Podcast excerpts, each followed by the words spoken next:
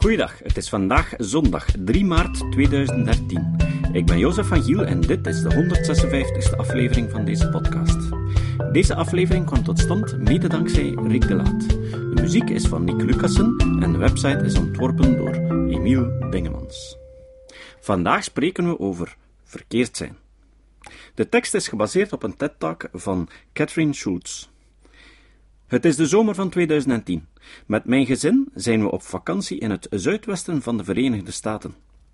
We waren geland in Denver. Daar hebben we een huurwagen genomen en zijn kriskras door de natuurparken van San Francisco gereden. Daar besloot ik om eindelijk eens aan een Amerikaan te vragen wat die Chinese woorden betekenden die telkens bij oversteekplaatsen op de weg geschilderd waren, en die ik in alle grote steden zag waar we gepasseerd waren. Pet Xing stond er. Het eigenaardige was dat je ze ook buiten de Chinese wijken tegenkwam. Overal stond geschreven Pet Xing. Dus sprak ik een Amerikaan aan en vroeg hem in mijn beste Engels wat die woorden betekenen. De kerel schoot in de lach en zei: Pedestrial crossing.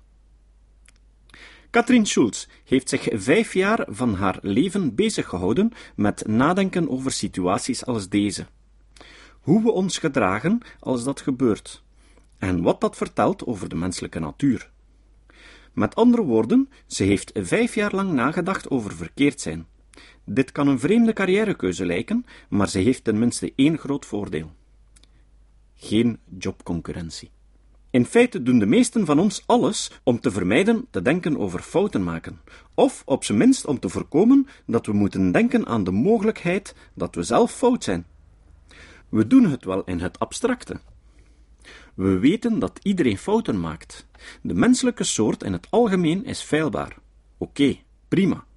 Maar wanneer het over mezelf gaat, over al mijn geliefde overtuigingen, hier in de tegenwoordige tijd, dan vliegt opeens deze abstracte waardering van feilbaarheid het raam uit. En kan ik eigenlijk niets bedenken waar ik verkeerd over ben. En dat komt omdat we in de tegenwoordige tijd leven. We gaan naar bijeenkomsten in de tegenwoordige tijd. We gaan op familievakantie in tegenwoordige tijd. We gaan naar de stembus en stemmen in de tegenwoordige tijd. We reizen in feite door het leven, gevangen in deze kleine bel van het gevoel over alles gelijk te hebben. Ik denk dat dit een probleem is. Ik denk dat het een probleem is voor ieder van ons als individu, in ons persoonlijke en professionele leven. En ik denk dat het een collectief cultureel probleem is. Wat ik vandaag wil doen, is in de eerste plaats praten over waarom we vastkomen te zitten in dit gevoel van gelijk te hebben. En waarom dat zo'n probleem is. Ten slotte wil ik jullie overtuigen dat het mogelijk is dat gevoel kwijt te raken. En dat, als je dat kan, het de grootste morele, intellectuele en creatieve sprong voorwaarts is die je kan maken. Waarom komen we vast te zitten in dit gevoel van gelijk hebben? Eén reden heeft te maken met het gevoel van verkeerd zijn. Laat me jullie iets vragen. Hoe voelt het emotioneel aan het bij het verkeerde eind te hebben? Verschrikkelijk. Duimen omlaag. Genant. Oké, dit zijn goede antwoorden, maar het zijn antwoorden op een andere vraag. Jullie beantwoorden de vraag: hoe voelt het aan om te beseffen dat je verkeerd bent? Beseffen dat je het mis hebt kan zo aanvoelen. Ik bedoel, het kan verpletterend zijn, maar ook revelerend. Het kan zelfs heel grappig zijn, zoals mijn stomme fout met Chinese woorden. Maar alleen maar verkeerd zitten, daar merk je niets van. Ik geef je een analogie. Herinner je je nog die Looney Tunes cartoon, waar die zielige coyote een roodrunner achterna zat, maar hem nooit kon vangen? In vrijwel elke aflevering van deze cartoon is er een moment waar de coyote de roodrunner najaagt en de roodrunner een klif voorbij loopt. Niets aan de hand. Hij is een vogel. Hij kan vliegen. Maar de coyote loopt achter hem aan tot voorbij de klif.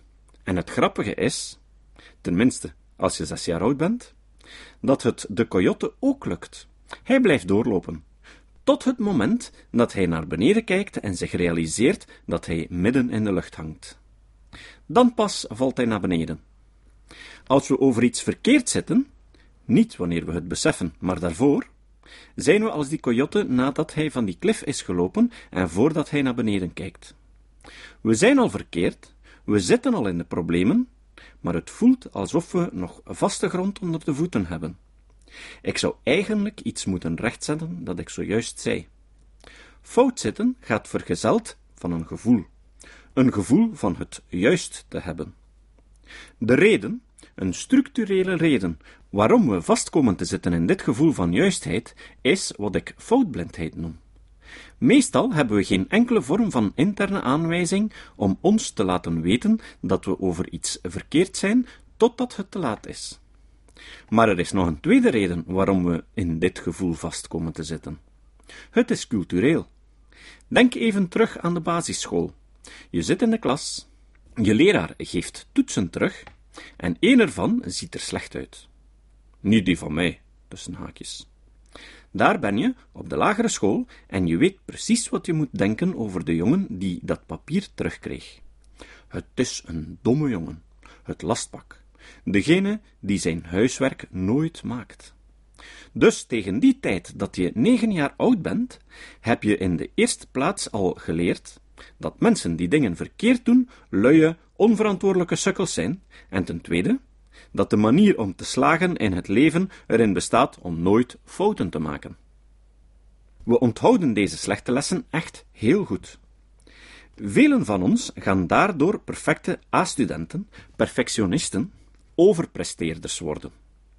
Oké, meneer de directeur, astrofysicus, ultramarathonloper. Jullie zijn helemaal directeurs astrofysici ultramarathonlopers, zo blijkt. Oké, prima dus. Behalve dat we in paniek raken bij de idee dat we ernaast kunnen zitten. Want in deze optiek betekent het mis hebben dat er met ons iets mis is. Dus we staan erop dat we gelijk hebben, want het maakt dat we ons slim, verantwoordelijk, deugdzaam en veilig voelen. Ik ga je een verhaal vertellen. Een paar jaar geleden kwam een vrouw voor een operatie naar het Beth Israel Deaconess Medisch Centrum. Beth Israel is in Boston. Het is het academisch ziekenhuis van Harvard, een van de beste ziekenhuizen in Amerika. Deze vrouw komt binnen en wordt naar de operatiekamer gebracht.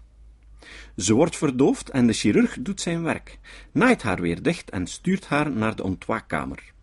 Alles lijkt prima te zijn gegaan. Ze wordt wakker, kijkt naar zichzelf en zegt: Waarom zit de verkeerde kant van mijn lichaam in het verband? Nu, de verkeerde kant van haar lichaam zit in verband omdat de chirurg een grote operatie op haar linkerbeen in plaats van haar rechter heeft uitgevoerd. Toen de vicepresident voor de kwaliteit van de gezondheidszorg in het Beth Israel over dit incident sprak, zei hij iets heel interessants. Om wat voor reden dan ook, voelde de chirurg gewoon dat hij aan de juiste kant van de patiënt stond. De les van dit verhaal is dat te veel vertrouwen in het gevoel van de juiste kant van iets te staan zeer gevaarlijk kan zijn. Dit gevoel van juistheid dat we allen zo vaak ervaren, is geen betrouwbare gids van wat er werkelijk gaande is in de buitenwereld. Als we op basis hiervan ons handelen bepalen en we vergeten de mogelijkheid dat we er wel eens naast kunnen zitten, dan gaan we dingen doen zoals 200 miljoen liter olie in de Golf van Mexico dumpen of de wereldeconomie terpeleren. Dit is een enorm praktisch probleem, maar het is ook een enorm maatschappelijk probleem. Denk even na over wat het betekent om te voelen dat je gelijk hebt. Het betekent dat je denkt dat je overtuigingen gewoon perfect stroken met de werkelijkheid. Als je dat gevoel hebt, moet je wel een probleem oplossen. Hoe ga je uitleggen waarom er zoveel mensen zijn die het oneens zijn met jou? Het blijkt dat de meesten van ons dat uitleggen door een beroep te doen op een reeks ongelukkige veronderstellingen. Het eerste wat we meestal doen als iemand het niet met ons eens is, is dat we gewoon aannemen dat ze onwetend zijn. Ze hebben geen toegang tot dezelfde informatie als wij, en dat als we ruimhartig die informatie met hen delen, ze het licht gaan zien en overlopen naar ons team. Als dat niet werkt, wanneer blijkt dat die mensen allemaal over dezelfde feiten als wij beschikken en ze nog steeds niet met ons eens zijn, gaan we over naar een tweede veronderstelling. Het zijn idioten.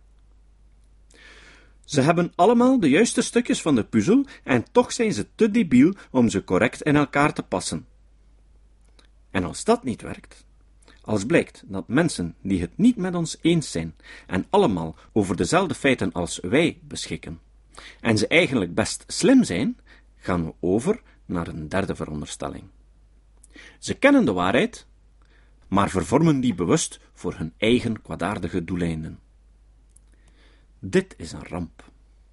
Deze gerechtigheid aan ons eigen gelijk weerhoudt ons van het voorkomen van fouten wanneer dat absoluut nodig is en maakt dat we op een verschrikkelijke manier met elkaar omgaan. Voor mij is het meest verbijsterende en tragische hieraan dat het voorbijgaat aan wat het betekent mens te zijn. Het is alsof we ons willen voorstellen dat onze geesten als perfect doorzichtige vensters zijn, waardoor we op een objectieve manier naar de wereld kijken en hem beschrijven zoals die zich ontvouwt. En we willen dat iedereen uit hetzelfde venster kijkt en precies hetzelfde ziet. Maar dat is niet zo. En als het wel zo zou zijn, zou het leven ongelooflijk saai zijn. Het wonder van je geest is niet zo dat je de wereld ziet zoals hij is. Het is dat je de wereld kan zien zoals hij niet is. We kunnen ons het verleden herinneren, we kunnen nadenken over de toekomst, en we kunnen ons voorstellen hoe het is iemand anders op een andere plaats te zijn. We doen dit allemaal een beetje anders.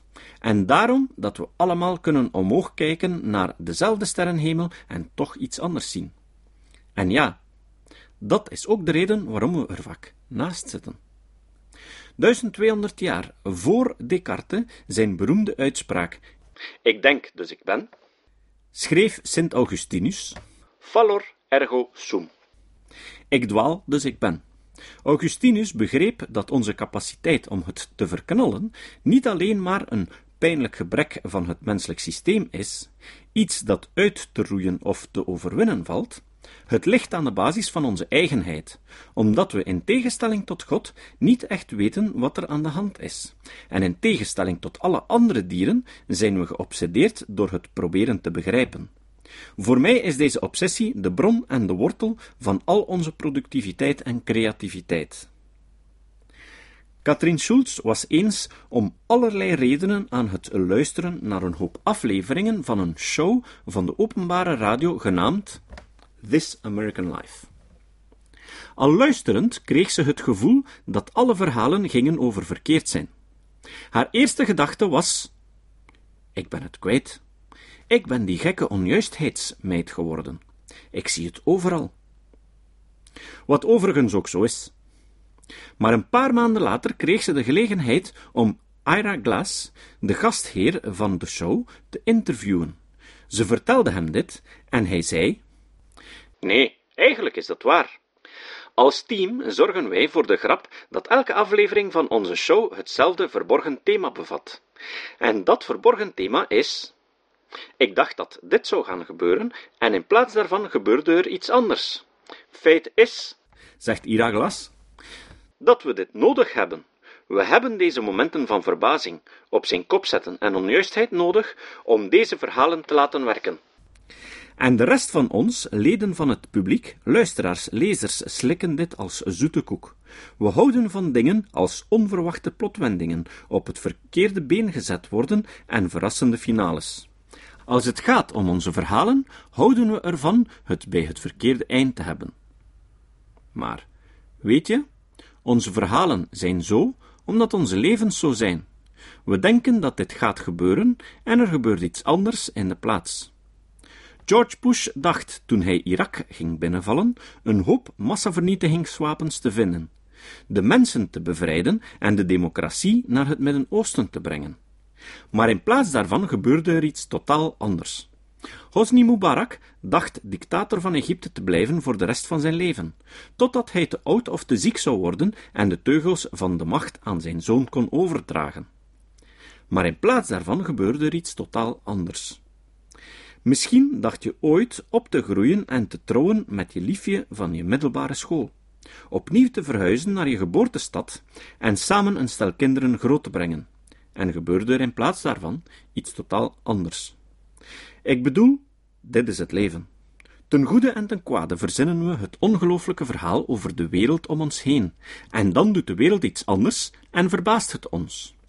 We hebben het hele dagen over innovaties, ontwikkelingen en verbeteringen. Maar weet je waarom we allemaal die innovaties, ontwikkelingen en verbeteringen nodig hebben? Omdat de helft van de spullen van de meest verbijsterende en de wereld veranderende ideeën niet echt werken. Waar is mijn jetpack?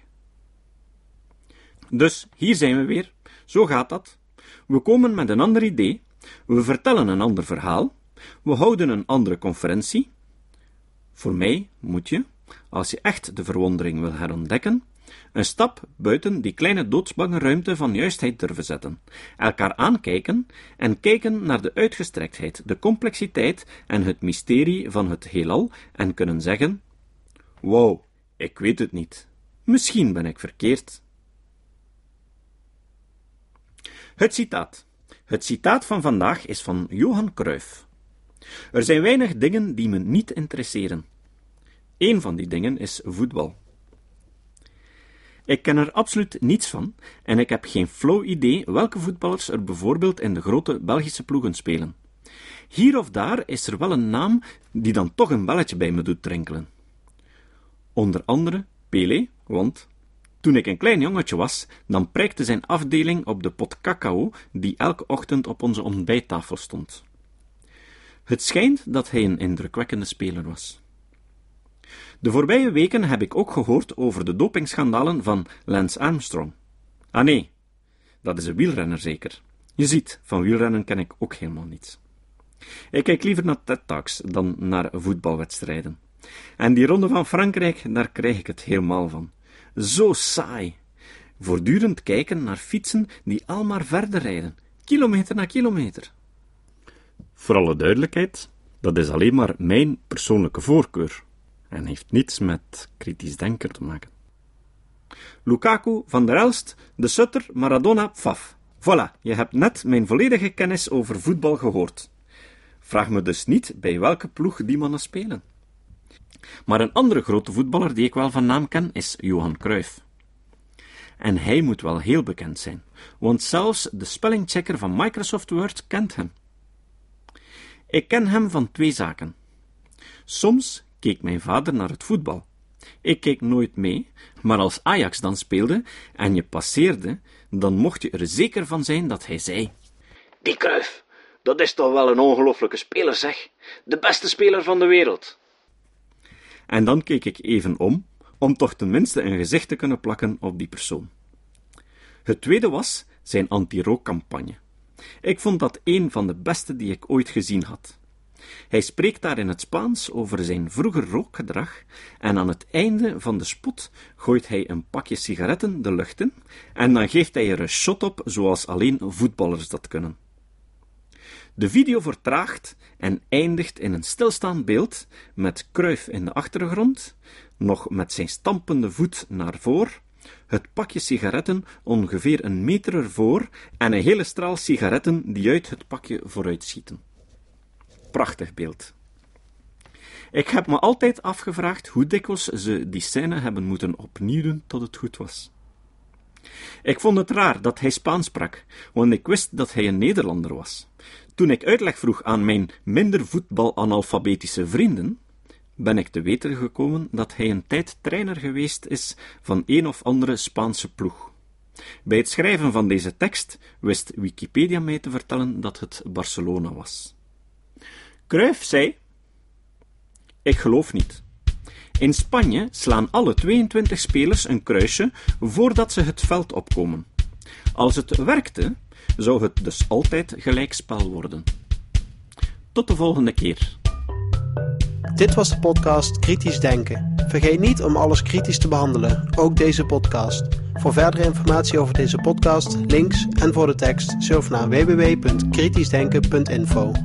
Als je deze podcast belangrijk vindt, kun je me steunen door anderen warm te maken ook eens te luisteren.